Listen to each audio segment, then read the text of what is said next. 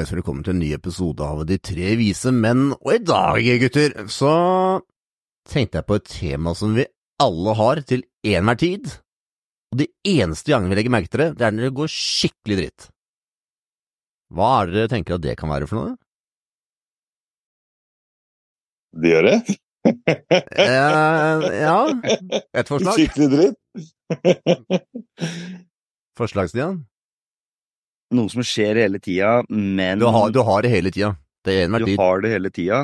Men det er sjelden jeg legger merke til det. Men det er ordentlig, ordentlig møkk, da legger du ofte merke til det. Bare da får du mye fokus.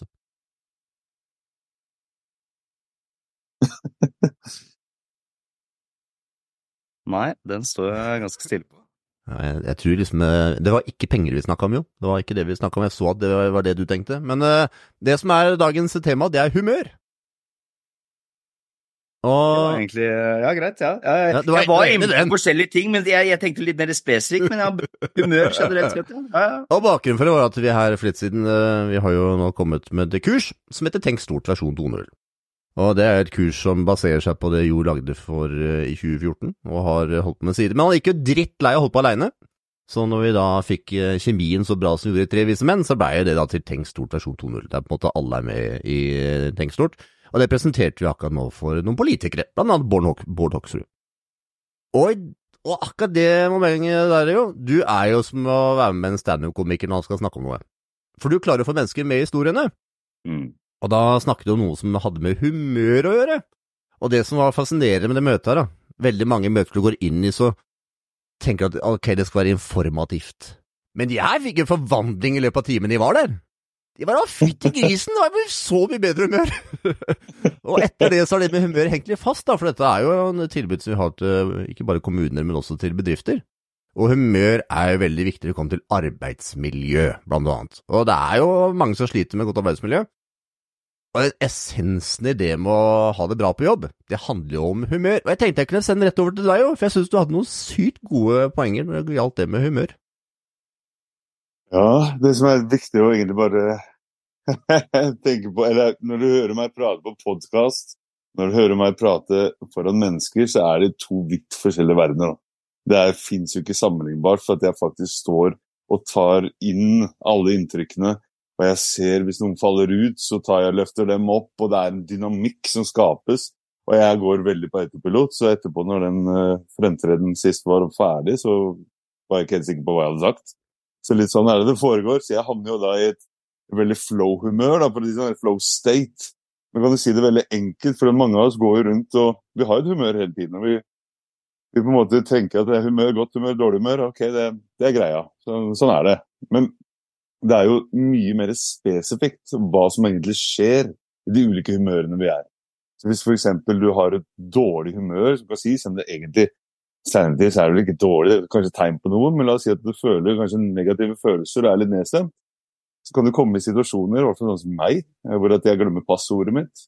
Jeg glemmer eventuelt hva jeg skal si. Jeg glemmer til og med navnet til eh, samboeren. Så blir sånn derre æ, Ikke sant? Du blir satt ut, og det, det på en måte kan man si at det, det har ikke noe med humør å gjøre. Nei, men la oss omformulere litt, for det er humør. Det er også en tilstand.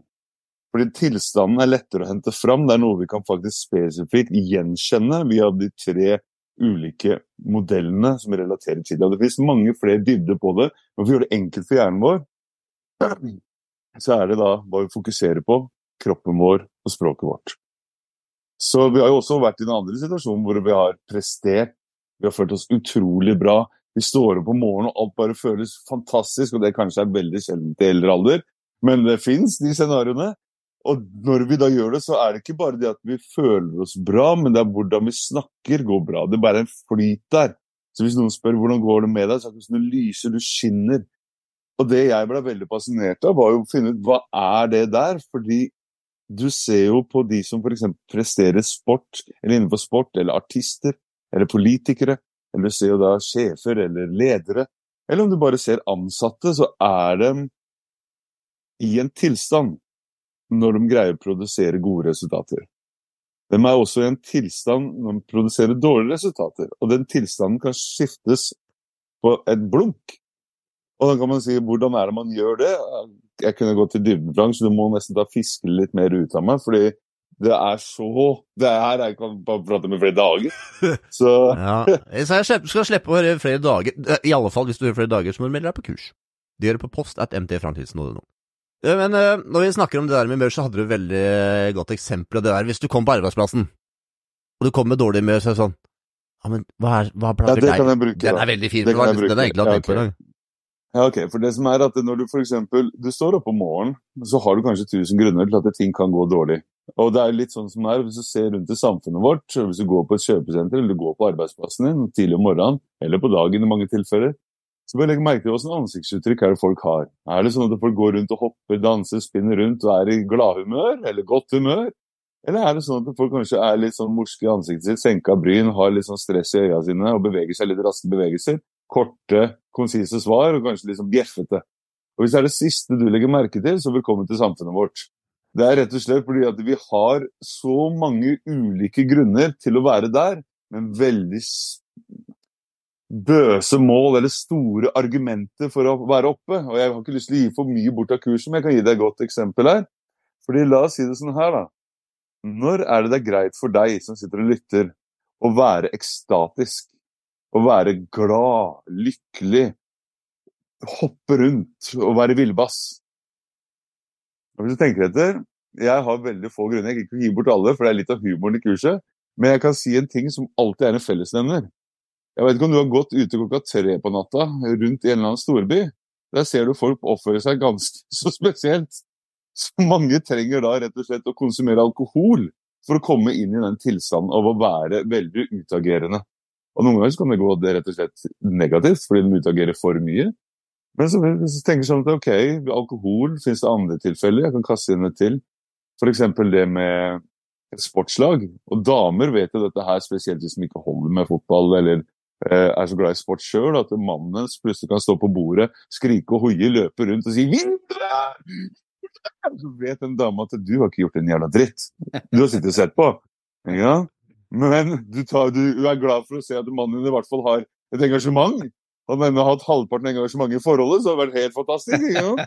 Så du vet at det er tilstanden som endrer seg, men du, noen blir jo, jeg har hørt, mange som blir sjalu, mange damer blir sjalu på, på eventuelt fotball, eller at man spiller, at det på en måte de har et engasjement hvor det, det er så de er i en sånn høy tilstand da, som måte skulle ønske jeg kunne fått litt av det hjemme også.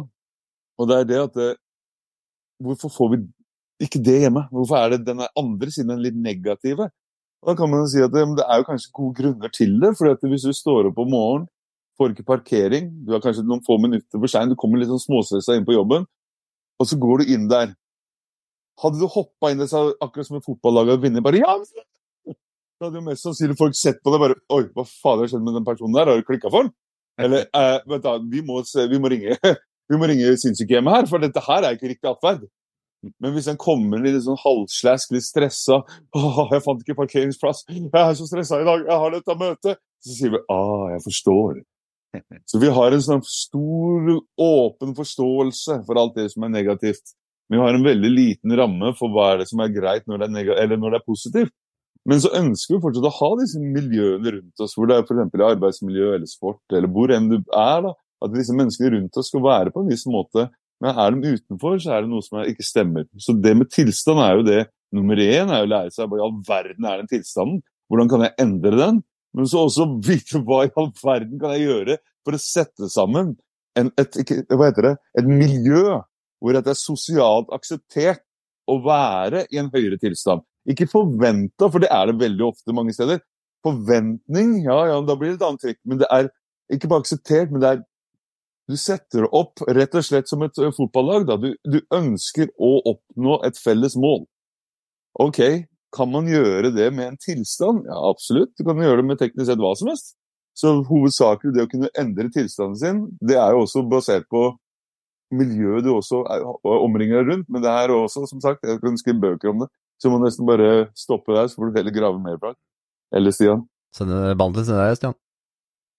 Ja, og det er klart, altså det her med å virkelig kunne kontrollere tilstanden sin, da, og kontrollere humøret. Nå bruker vi liksom litt sånn litt humør og tilstand om hverandre når vi snakker om det her. Altså, vi kan si sånn, det, det, det å hvis du skal kunne kontrollere humøret ditt, så må du kunne klare å kontrollere tilstanden. Og det kan du gjøre på forskjellige måter, og det er det vi kommer til å snakke om uh, i kurset òg. Sånn som det Jo har sagt nå, det er jo da å um, Det er noe som, som på en måte du, du, du, kan på en måte kontrollere humøret ditt, altså tankene og følelsene dine, gjennom å forandre for eksempel fysisk tilstand. Rett og slett. Jo kommer med veldig mye bedre eksempler her enn det jeg er, men altså vi kan ta ett eksempel. Det er hvis du for eksempel ser noen som er stressa eller litt bekymra, kanskje de er litt nedstemt og triste så luter de seg ofte litt framover, ikke sant, de, liksom, de, de ser kanskje litt ned, og de, du kan se at de har litt sånn bekymringer, og kanskje de er litt molefonkne, ikke sant. Er, og, og, og, den fysiske tilstanden der, altså den kroppslige tilstanden der, det korresponderer jo veldig ofte med humøret.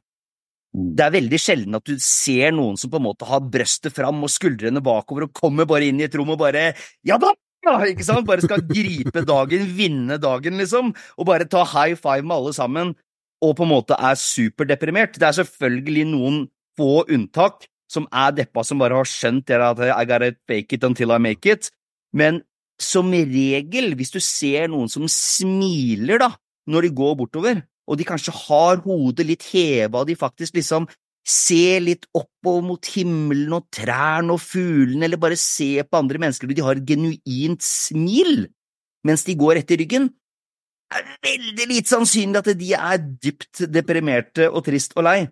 Mm. Og, og, og, det vi vet, det som er så kult med det her, er det at eh, ved å forandre da den fysiologien din, ved å forandre bare kroppen din, så vil det faktisk ha en effekt på tankene og følelsene, altså humøret ditt. Og der skal vi mm. snakke om mye, mye, mye mer på kurset. Hvordan du faktisk kan sette i gang den mekanismen her, så du kan, så du kan ta deg sjøl fra det Unnskyld at jeg sier det, dårlig dritthumøret du er i, og i den tilstanden eller det humøret du faktisk ønsker å være i. Så det er den mm. ene måten å forandre tilstanden på. Jo er jo bare er helt rå innen det området der. Og så har vi da Det er flere andre varianter. og det er også at For å forandre humøret ditt, så kan du begynne å jobbe direkte med tanken. Du kan jobbe direkte med tankene dine for å da forandre følelsene, som da forandrer handlingene eller kroppen, den fysiologiske tilstanden din. Mm. Og, og, og, det må, og, det må, kunne observere at vi hele tida går og tenker oss ned, tenker oss bekymra. Det er som jeg sier at depresjon er ikke egentlig jeg er deprimert, for eksempel. Jeg er bekymra. Jeg er engstelig. Nei, nei, nei. Å deprimere er et verb, det er noe du gjør. Du tenker deg sjøl ned. Det er en aktiv tilstand. Hvis du har angst, så engster du deg. Jeg tenker bekymra tanker, som mm. gjør at jeg kommer i en engstelig um, tilstand, et engstelig humør eller et nedstemt, trist humør. Og det her er liksom noe av det vi brenner så for, da. Det må kunne på en måte dekke alle de loopholdene her. Forandre mm. tilstand og humør ved eh, fysiologien vår, kroppen vår, og forandre det på tankeplan, og også mm. forandre det på følelsesplan, og jobbe direkte med følelsene. Mm. Og det som er veldig fascinerende, er at det, eh, du kan jo på en måte få rett og slett en oppskrift her er det, dette her er måten du endrer tilstanden din på. Altså, det å snakke av egen erfaring. Her sitter du med oppskriften, og den funker.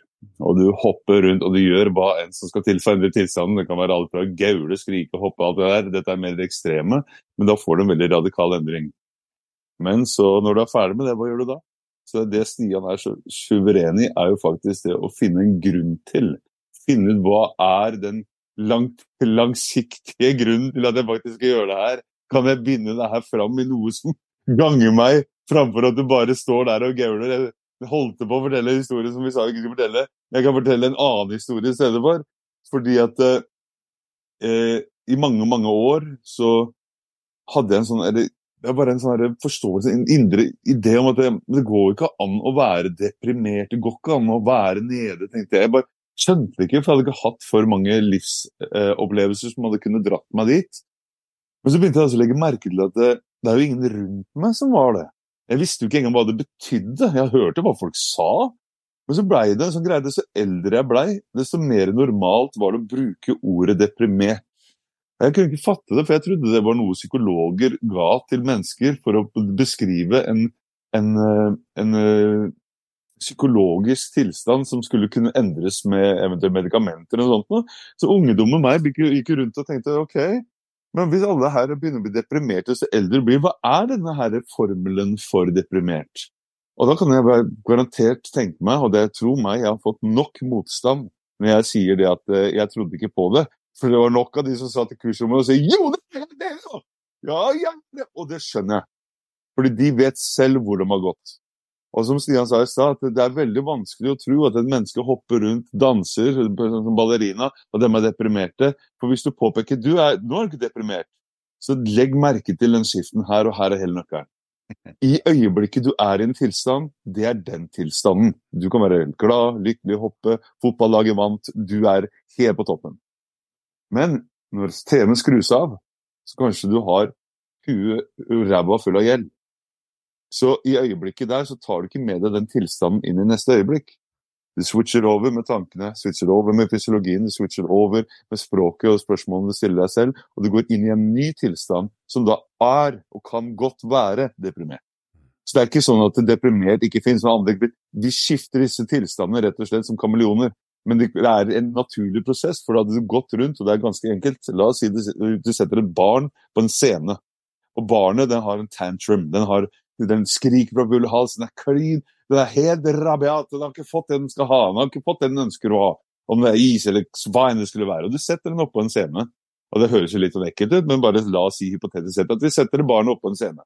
Og I den salen sitter det flere hundre mennesker og titter på dette barnet her, og barnet står på scenen og skriker og skriker og hoier og gauler. Og Foreldra gjør ikke noe, de gir ikke respons, de bare sitter og ser på. Hva skjer med det barnet til slutt? Det som skjer automatisk, er at kroppen deres vil gå over til en ny tilstand. Fordi kroppen kan ikke holde den samme tilstand kontinuerlig, den må endre seg. Det er naturen. Naturlig, Til slutt så vil den på en måte kollapse. Så den endrer seg fra å være lei, eller sint, sint, sint til kanskje å bli lei seg. Og gjennom andre følelser, gå innom andre eh, tilstander som gjør at kroppen går i en naturlig flyt, for å så komme seg ut igjen i noe annet. Kanskje et smil, kanskje latter, hva enn det skulle være. Så vi går gjennom disse bølgedalene av livet, som kalles, eller av følelser, opplevelser, tilstander, som kalles livet. Det er bare det at det, mange av de grunnene til at vi gjør det, er litt tilbake til det jeg nevnte med at jeg trodde ikke helt på depresjon da jeg var yngre. For jeg hadde ikke sett noen som var deprimert. Jeg visste ikke hva det betydde. Og legg merke til at det er veldig mange som adapterer. Det kan man også snakke om eller på kurset, men det blir bare en kort forklaring. Modellering. Hvis du tar et barn, jeg forteller en historie her nå, Nevøene mine skulle ha is. De var da tre og fire år gamle, så ser de på onkelen sin. Så sier 'Onkel, kan jeg få is?' Så sier jeg nei, det er mandag, nei, nei, ikke noe is nå. Og så går det bare noen få minutter, og så ser de 'Onkel, kan vi få is?' sier begge to. Jeg bare 'Nei, ikke noe is nå!' Og så går det bare noen minutter igjen. 'Onkel, kan vi få is?' Og da kan jeg stille spørsmål til lytteren hva tror du disse nevøene mine endte opp med? Det var is. Så de hadde en atferd de fant ut funka, og de var jo som er sjeldent nok til å vite at det her funka hver gang. Den mm. tilstanden, den til, tilnærmingen. Men så kan du tenke at disse gutta her er nærmere 30 år nå. Hva tror du skjer hvis de kommer bort til onkelen og sier 'Onkel, kan jeg få is?' Hadde de gjort det nå, så hadde jeg rista på hodet. Fader, er feil med deg, ja? Så det som funka som barn, om det er en væremåte, atferdsmåte, tankemønstre, følelsesmønstre, er mest sannsynlig ikke akkurat det som funker nå. Kanskje det funker noe av det, men mye av det gått ut på dato. Så det å bli bevisst over tilstand nummer én, så veit du at kanskje mange av atferdsmønstrene har faktisk gått ut på dato. At det, det, er kanskje litt sånn på tide å oppdatere noe av det, da. Mm. Eh, og livet vil oppdatere det for deg. Du vil ha miste jobber, du vil folk som kanskje går fra deg eller ikke vil være vennen din lenger, for du har gjort visse ting.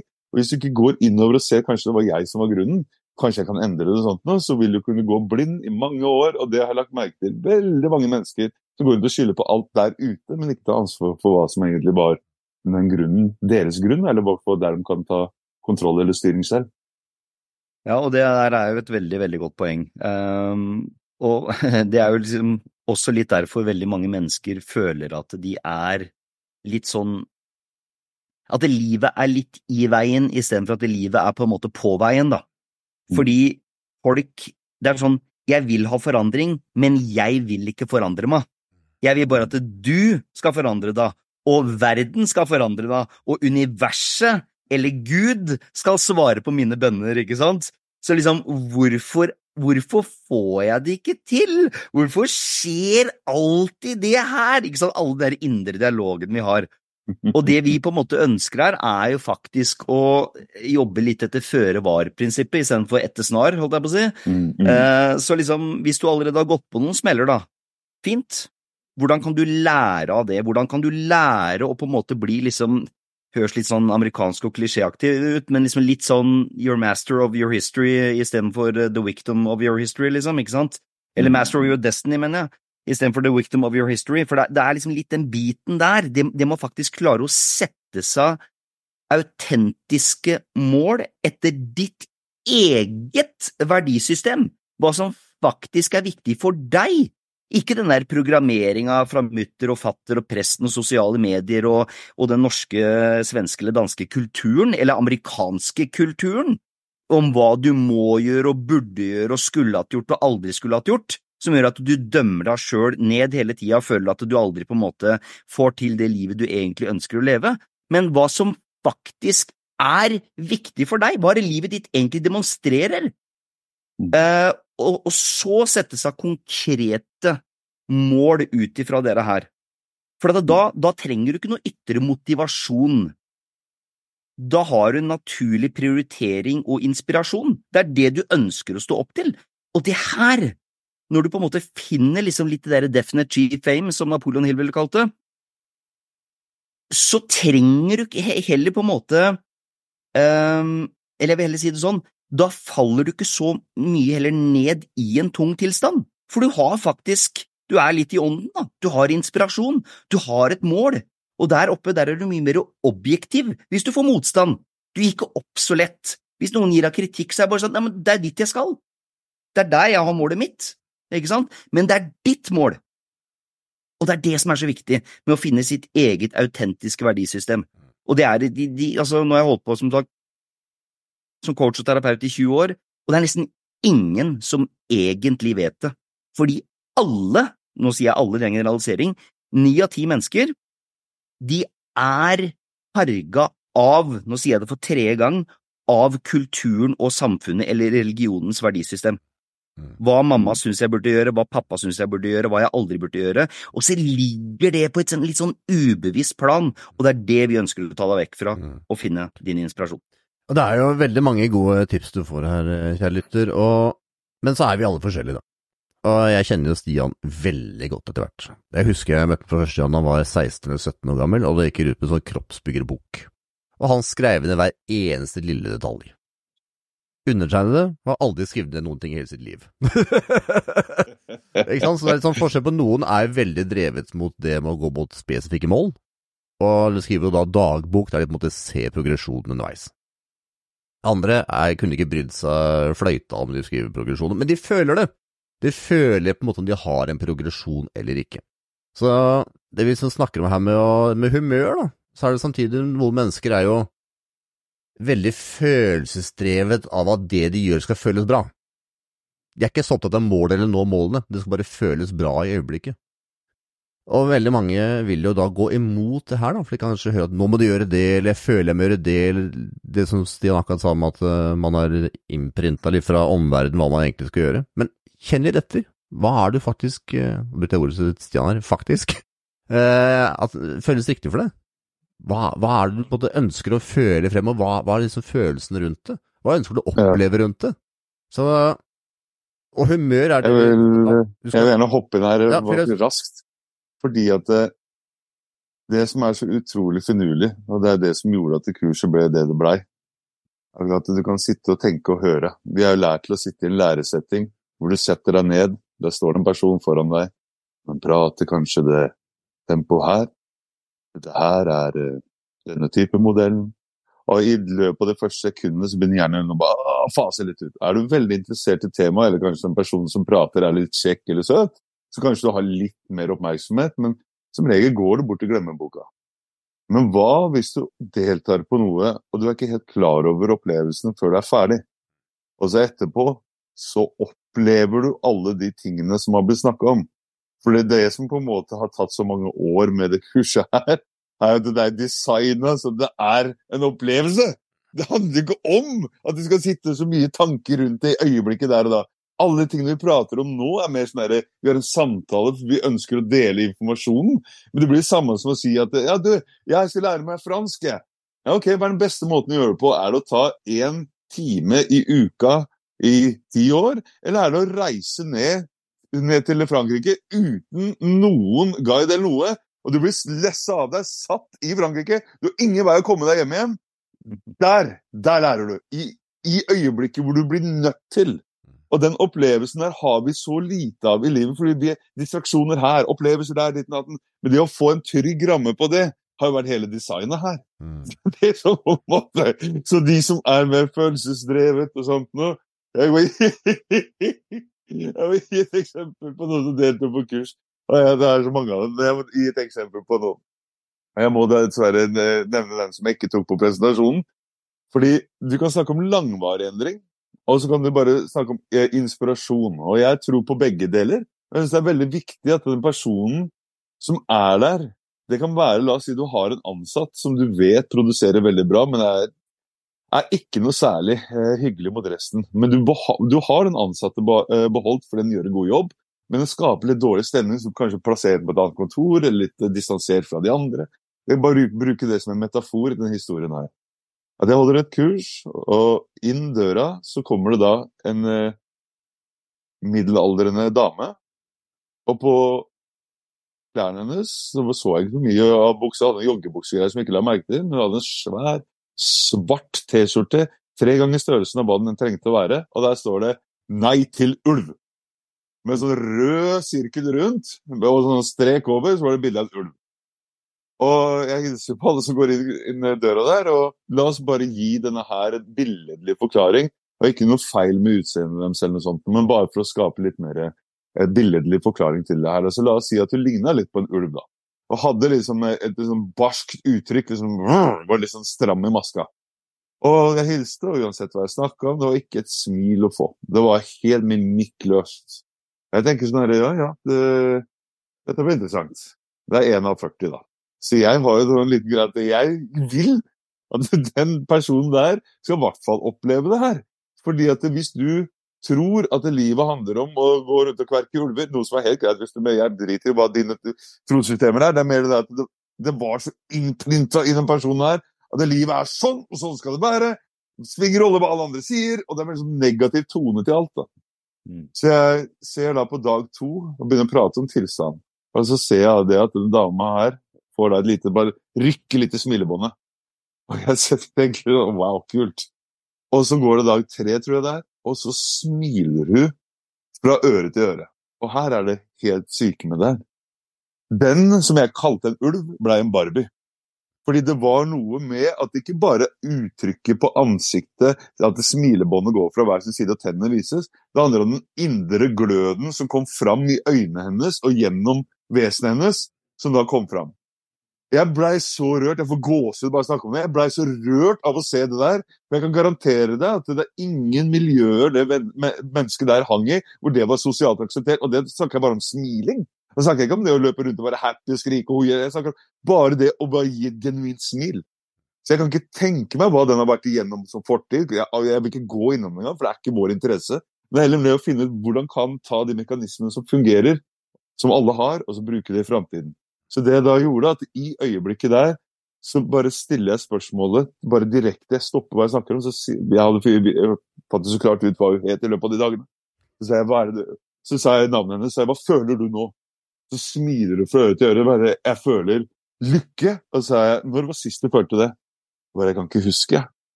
Og jeg sa, vet du, jeg vil bare påpeke det her, og jeg veit jeg kanskje peker deg ut, og hun trengte det. Det er derfor jeg gjorde det. Jeg sa, jeg vil bare påpeke at det, du har noe av det vakreste smilet jeg har sett på flere år. Og i det sier så begynner jeg tårene mine å trille. For jeg blei så utrolig engasjert. og Hun, hun ble ikke satt ut av jeg sa navnet eller noe. Og idet jeg sier det, så triller det tårer ned fra øynene. Så sier jeg det er ingen som har sagt noe så vakkert i hele mitt liv. Og alle andre rundt begynner Å, nå! Jeg, men, det her blir for klinete! Så jeg sier kom igjen, alle sammen gi en god applaus, og alle klapper, og hun ler, jeg ler. Og hele scenarioet her, som du nå har hørt kanskje til sammen over to minutter, varte bare 15 sekunder. Mm. De 15 sekundene der var nok til at neste gang jeg møtte hun, jeg tror det gikk et par år, bare sov på avstand, ga meg det største gliset som jeg garanterer jeg ikke har gitt til noen andre. Om det var den eneste gaven jeg kunne gi til hun, takk hva enn. Og det er det som er greia, at hvis du kan begynne å gjøre sånne små endringer i arbeidsmiljøet ditt, hjemme i ditt eget hjem, med for deg selv, med deg selv, det spiller ingen rolle, så vil det ha så store ringeffekter. At det er ikke poenget, det er ikke bare det å være i godt humør. Det, er, det ligger mer bak der, som Stian sa, det er flere innprinta grunner til at du ikke skal smile. Det er flere innprinta grunner til at du skal oppføre deg, være sånn, tenke sånn, være sånn. Ja, hva hvis de bry, blir brytet? Det er en frihet der, og det er den vi brenner for. Du hører engasjementet til Jo eh, virkelig komme fram, og det, det fikk vi Og jeg må bare påpeke det her også, Frank. Jeg sitter jo her egentlig med diaré, og var helt nedstemt før podden. Det er derfor jeg sa første diaré. Statementet var helt ræva. Jeg sier til eh, kjæresten min at jeg veit ikke hvordan den podkasten blir, ass. Så jeg ligger helt kake. Jeg hopper på at statement endrer seg, fordi det er noe jeg brenner for. Det her er viktigere. Hvordan tilstanden min blir etterpå, det kan jeg ikke garantere. Men uh, vi tar ett steg om gangen. Det blir, det, blir mest, Sånn det blir mest sannsynlig dritt. Ja. Men det var det, vi, vi, var det vi fikk se da jo, når vi var og så på deg Det var at du hadde et helt enormt engasjement, og det engasjerte jo andre også, som jeg sa til, vi merka en forskjell. Men det jeg var litt ute etter i dagens prat, er konkrete ting som eh, den som lytter kan gjøre. For det Det er lettere sagt enn gjort når man på en måte sitter i det tyngste humøret du klarer å finne. Kanskje ikke du får pengene til å strekke til, eller kanskje samboeren har gjort det slutt, eller du har mista jobben, eller hva det måtte være. Og det bare er grisetungt! For sånn er det jo noen ganger. Hva er det dere går til da, da? Jeg vet jo hva du gjorde før, jo. Det var jo å stå og hoppe og brøle og slå deg på brøstet, men jeg vet ikke om du driver med det lenger, akkurat. Eh, hva, som, hva, hva foreslår dere da, hvis du Jeg vil bare gi en enkel modell som du alltid kan følge. La oss si at du kategoriserer energinivået ditt. Energinivået ditt er jo veldig subjektivt. Det er ikke noe du kan skrive ned. Holdt kurs en gang, og en person begynte Ja, dette her er jo bare fiktivt, sa han. Så jeg ja, ja, jeg skjønner det er fiktivt, men det er jo en subjektiv opplevelse. Se fra null, du sover, sliten, helt avslappa. Ti, du er ekstatisk, løper rundt, er villbass. På en skala fra null til ti, hvor er jeg nå? Og så finner du kanskje at jeg er på tre. Jeg er nedstemt, jeg er sliten, jeg har det ikke helt bra. Det er alle disse tingene som foregår. Ok, da har du allerede en skala fra null til ti. Du veit hva ti er, du representerer kanskje ikke det øyeblikket, men du vet hva det er. Du veit hva null er, du har en skala. I stedet for å sette et hårreisende mål, jeg skal opp til ti med en gang. Hva skal til for at jeg kan gå opp ett hakk? Stille deg et spørsmål. Hva skal til? Hva kan jeg fokusere på? Hva er det i livet mitt jeg kan implementere? Hva er det jeg kan gjøre nå? Så du bruker akkurat som som du har sett disse energibarene som er siden av eh, Om det f.eks. er eh, bensintanken din eller sånt noe. Det er en null til ti. Så du på en måte visuelt kan lage deg den barometeret ditt. Det har hjulpet mange, sånn sett. Eh, er det sånn at du virkelig må ut av tilstanden din, du har et møte, eller du må gjøre noe, så er det de drastiske endringene, de jeg elsker, fra null til ti. jeg elsker dem, for det er noe som sjokker det nervesystemet ditt, er fantastisk. For noen som kanskje ikke er vant til det, så kan det være litt brutalt. Men eh, det kan jo være alt fra å ta en kalddusj, og det bør ikke bare lenge, bare sjokke kroppen din, eh, bare ta kaldt vann i ansiktet, eller brøle ut så hardt du kan, bare for å på en måte nullstille deg selv. Jeg vil egentlig ikke gi så mye mer sånn, for plutselig har vi gærne folk som løper ut og skriker og hoier, og vi har Det kanskje ikke er det beste for samfunnet sånn sett.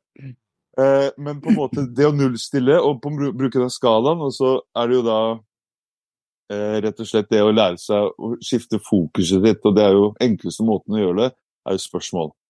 Så hvorfor, hvorfor er ting så dritt? Hvorfor skjer dette her meg?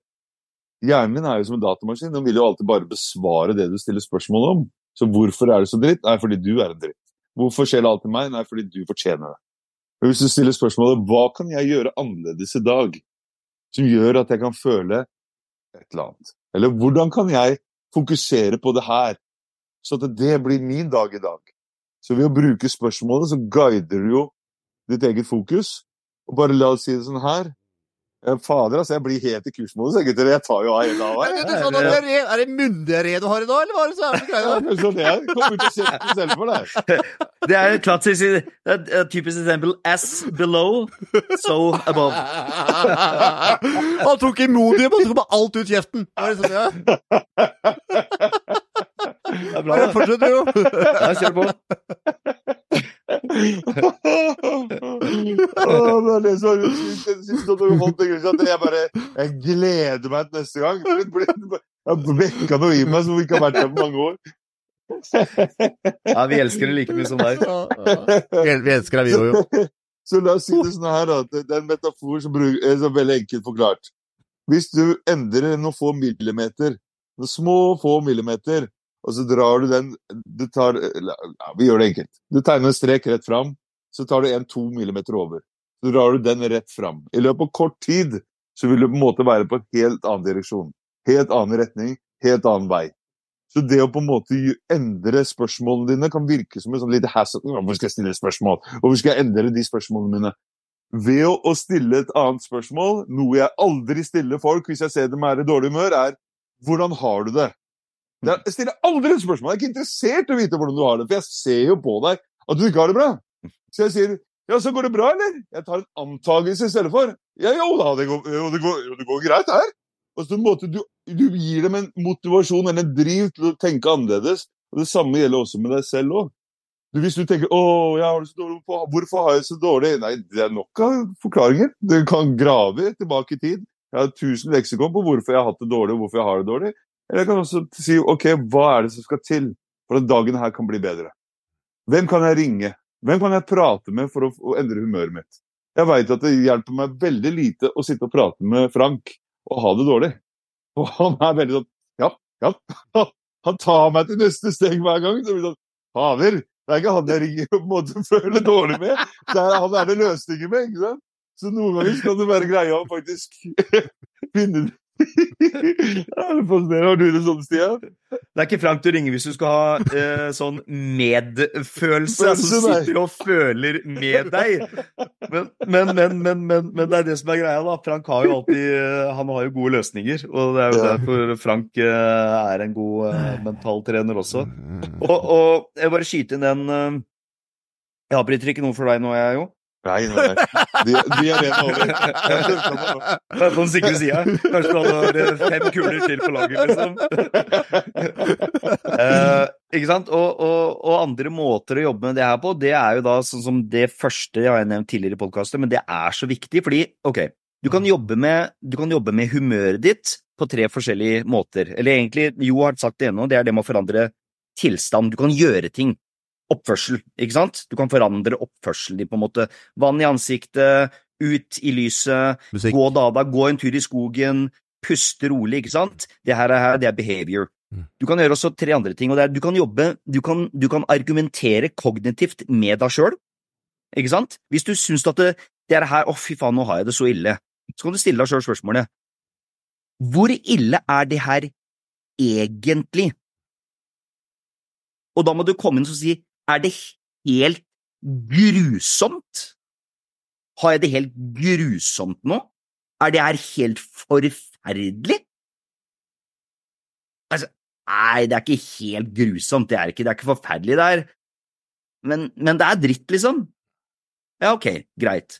Men, men, men, men det er ikke grusomt. Det er ikke helt forferdelig. Nei, det er, det er ille. Ok. Den illefølelsen og, og, og selv hvis du faktisk føler at det er grusomt Ja, jo, jo, jo det er grusomt, det her er helt Det her er helt forferdelig. Ok, kan du klare å akseptere den tanken om at det er så grusomt og forferdelig? Kan du klare det? Og bare det, det, det her er det som er essensen, bare det med å klare å observere at det du syns er så grusomt og forferdelig, er en tanke. Det er ikke egentlig situasjonen, det er det du tenker om situasjonen, om verdenssituasjonen, om situasjonen på jobben, om arbeidstagerne, om sjefen din, om samboeren, ikke sant? Og jeg sier ikke at ikke du skal gå ut i verden og, og forandre på, på, på, på de tinga, men gjør det fra på en måte et plussnivå eller et nøytralt nivå, ikke fra et desperasjonsnivå. Mm. Så det med faktisk eh, å kunne jobbe med tanken og argumentere er ekstremt viktig. Og en ting til her, som jeg har nevnt tidligere på podkaster, det er jo da, hvis du føler at det her er helt grusomt og forferdelig, hva er fordelen, da? Hva er fordelen? Det tar deg vekk fra en veldig animalistisk, reptilhjerne, reaktiv, sort-hvitt-tankegang. Det her er helt grusomt! Ok, men hva er det som er positivt med det? Er det en eller to ting som kan være litt positivt? Og det får den nåla til å bare skifte med en eneste gang. Mm. Eh, og en siste ting, bare for å nevne det også, det er jo da, det skal vi snakke mer om på kurset òg, det er at du kan også jobbe med hvordan du tenker, ikke bare hva du tenker, men hvordan. Hvem sin stemme er du hører når du snakker til deg sjæl? Er det mutter'n sin, er det fatter'n, er det sjefen, er det han ene på jobben du ikke liker, er det Charles Schwab du hører, er er en, liksom, Hvem er det du hører? Og, og da er det en stemme du hører, eller er det bilder?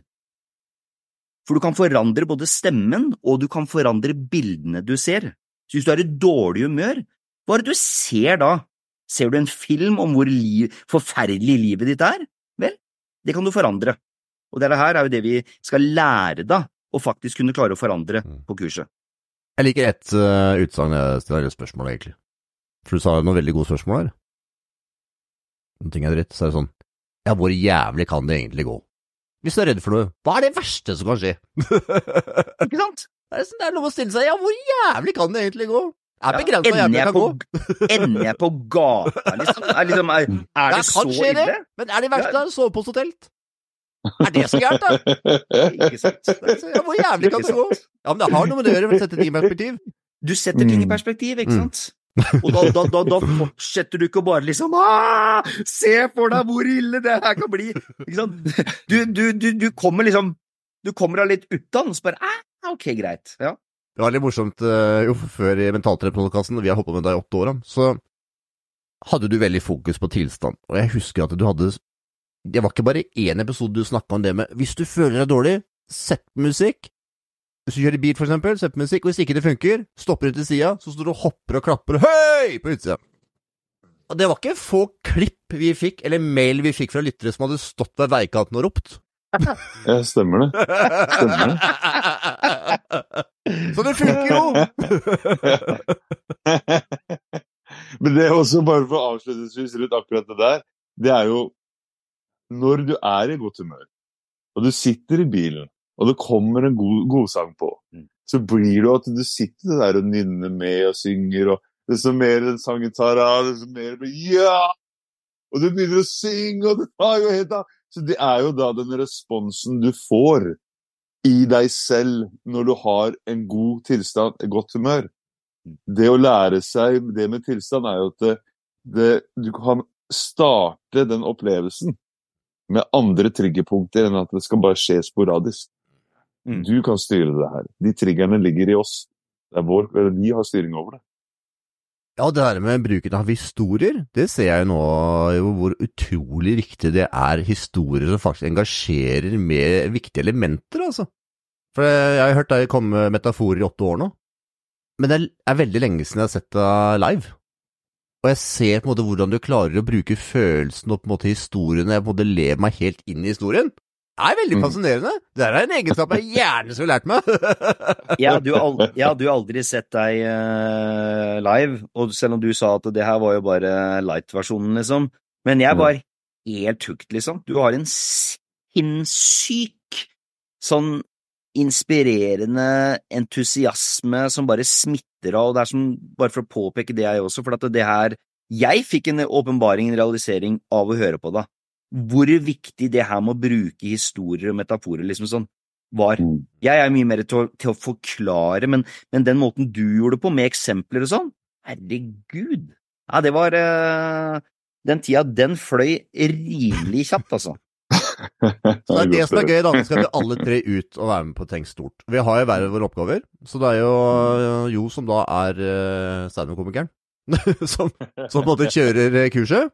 Stian er den som går gjennom da med det med verdier og bevisstgjøring videre rundt det, og jeg er den som er delaktig med å få spørsmål rundt det.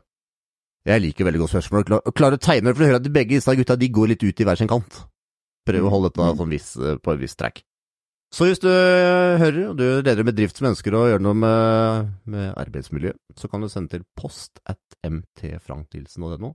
Eller Jo kommer godt forslag som ikke har snakka med Stian om. Jeg tenker at det er greit. Og det I mars så tar vi en aften som er eh, i, på, på Sørlandet. Og så har vi en aften da på Østlandet, som er i Porsgrunnsområdet. For deg som ønsker å være med på en av de, så sender du da også til post at mtfranknilsen.no. Får vi nok påmeldte, så kjører vi kurs på hver av de plassene. Mm. Hørtes ikke det bra ut? Veldig bra. Nå, gutter, nå skal vi over til dilemma. Er dere klare for den useriøse delen av den her òg, eller? Hæ? Å, jeg har tenkt så lenge på dagens dilemma! Er dere, er dere klare?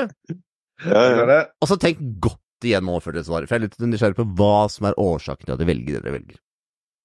Og så er det alltid at det er en psykologisk ting bak de dilemmaene jeg lager, for det er det som, eh, det som er litt av det finurlige. Ok.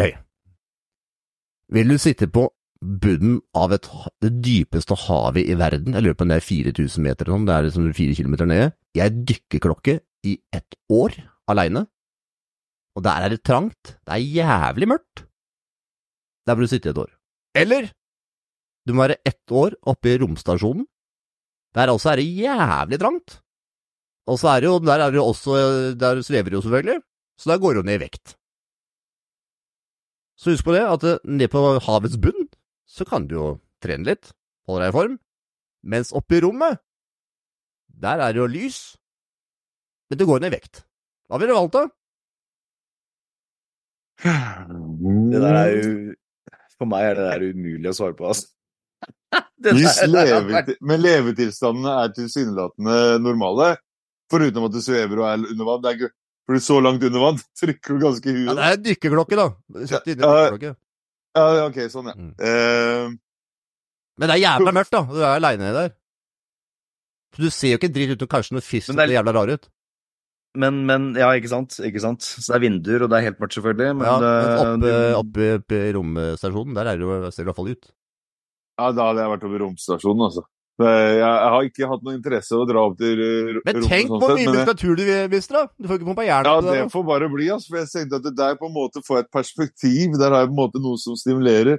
Sitter der i den mørke lille bula, plutselig kommer det et dyr Nei, fy fader. Og sitter trangt i i rommet. Nei, da vil jeg heller være oppe og ha et perspektiv, og så se noe Ja, men tenk det! Det kan komme kometer, det er masse romskrot oppi der. Du kan jo treffe deg hva som helst oppi der. Romskrot! Ja, det er jo masse romskrot oppi der! Ja, det er det. Nei, jeg tror jeg hadde, jeg tror jeg hadde blitt en del av romskrotet, jeg, altså. Hadde du det? Ja, jeg tror Jeg tenker å sette fløyf i vinduet, og dæven, tenk neste gang steinen kommer, så går den liksom rett inn i sida på soverommet mitt her. Ja, får gå. Da har du ikke den skumle greia ned på, ned på bånn med Men Det, tenkte, har sittet, jeg sitter så lenge nede, eller nede, så jeg sitter så lenge i meditasjon over noen år nå. Så jeg føler liksom at jeg gidder ikke å praktisere det. Så jeg tar meg heller opp, og jeg kan observere litt og titte litt ut. Og jeg tror det er greia. Men er mat og alt tilgjengelig, eller skal man bare sitte der og, Nei, det og Nei, det er mat du får. Ok, ok, man skal få. Nei, det blir romstasjon nå. Hadde du ikke nevnt det med muskelsvinn, så hadde jeg uten tvil eh, valgt romstasjonen. Men det er det som gjør det. Den har nett å knøkke uh, Har nødt å knøkke, faktisk.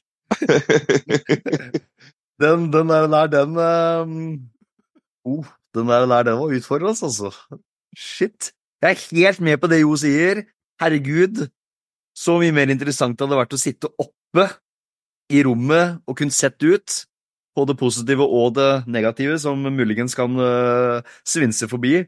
Uh, jeg tror på grunn av muskelsvinnet så hadde jeg valgt uh, Så hadde jeg valgt Da hadde jeg valgt uh, bånn av jordkloden, måtte jeg si. Nei, jeg er jævla vanskelig sjøl, altså, for jeg liker ikke høyder, og jeg liker ikke å være i mørket, så ja, ja, ja. Altså, men, altså, grunnen Altså, jeg, hadde sagt liksom Havets bunn Tror jeg, jeg, jeg hadde, men Etter den der, der, der milliardæren som dykka ned på havets bunn for å se Titanic, og den blei bare implodert, den derre den der ubåten, ikke sant? Og tenk på det en gang. Jeg bare Herregud! Tenk på det! det hadde vært. Nei, men jeg hadde nok valgt det. jeg, jeg tror jeg måtte valgt samme som Joey, altså. Jeg hadde blitt gal av å ha vært nede i mørket. Det kjenner jeg at jeg er ikke veldig glad i mørket, altså. Det, men så er det litt sånn Det er én ting som ingen av dere sa, og som jeg tror kanskje mange av lytterne vil tenke på. Er ganske klaustrofobisk? Har du sett hvor jævlig trangt det er på det romgreia, eller? Eller det trykkelokket? Du kommer jo ikke ut på noen av de! Men, men, men, men altså, det, det, grunnen til at ikke jeg nevnte det, det, for det var jo det første jeg tenkte på, men altså, det var ikke noe alternativ. Hadde, hadde, du sagt en stor, en, en gigantisk romstasjon istedenfor en liten, så hadde bare ja, ok, greit, jeg tar jo det, liksom, på en måte. Men det var jo, det var jo to trange rom, liksom. Ikke sant? Ja, men følelsen rundt det. For mange vil bli trigga av klaustrofobien rundt dilemmaet på følelsen. Ja, ja. Mm. Helt enig. Men, Men som sagt, tilbake det tilbake til det på sette barn på scenen. Den vil endre humøret sitt. Så jeg tror ikke han skriker i mange dager. Hvis han hadde med å skrike og rope, at jeg hadde bare ligget der Det hadde vært litt av en personlig utviklingsreise, det der, altså. Det er, eh, det er helt sikkert. Det er helt sikkert. Å, herregud. Vi må jo takke alle som hører. Og hvis du syns dagens episode var bra, støtt oss gjerne til på Vips til Tre vise menn. Det finner du med tretall inne på Vips. Og så er vi veldig glad for alle som gir oss en femstjerners på iTunes og Spotify, men gjerne flere! For det hjelper oss enda lenger opp på listene.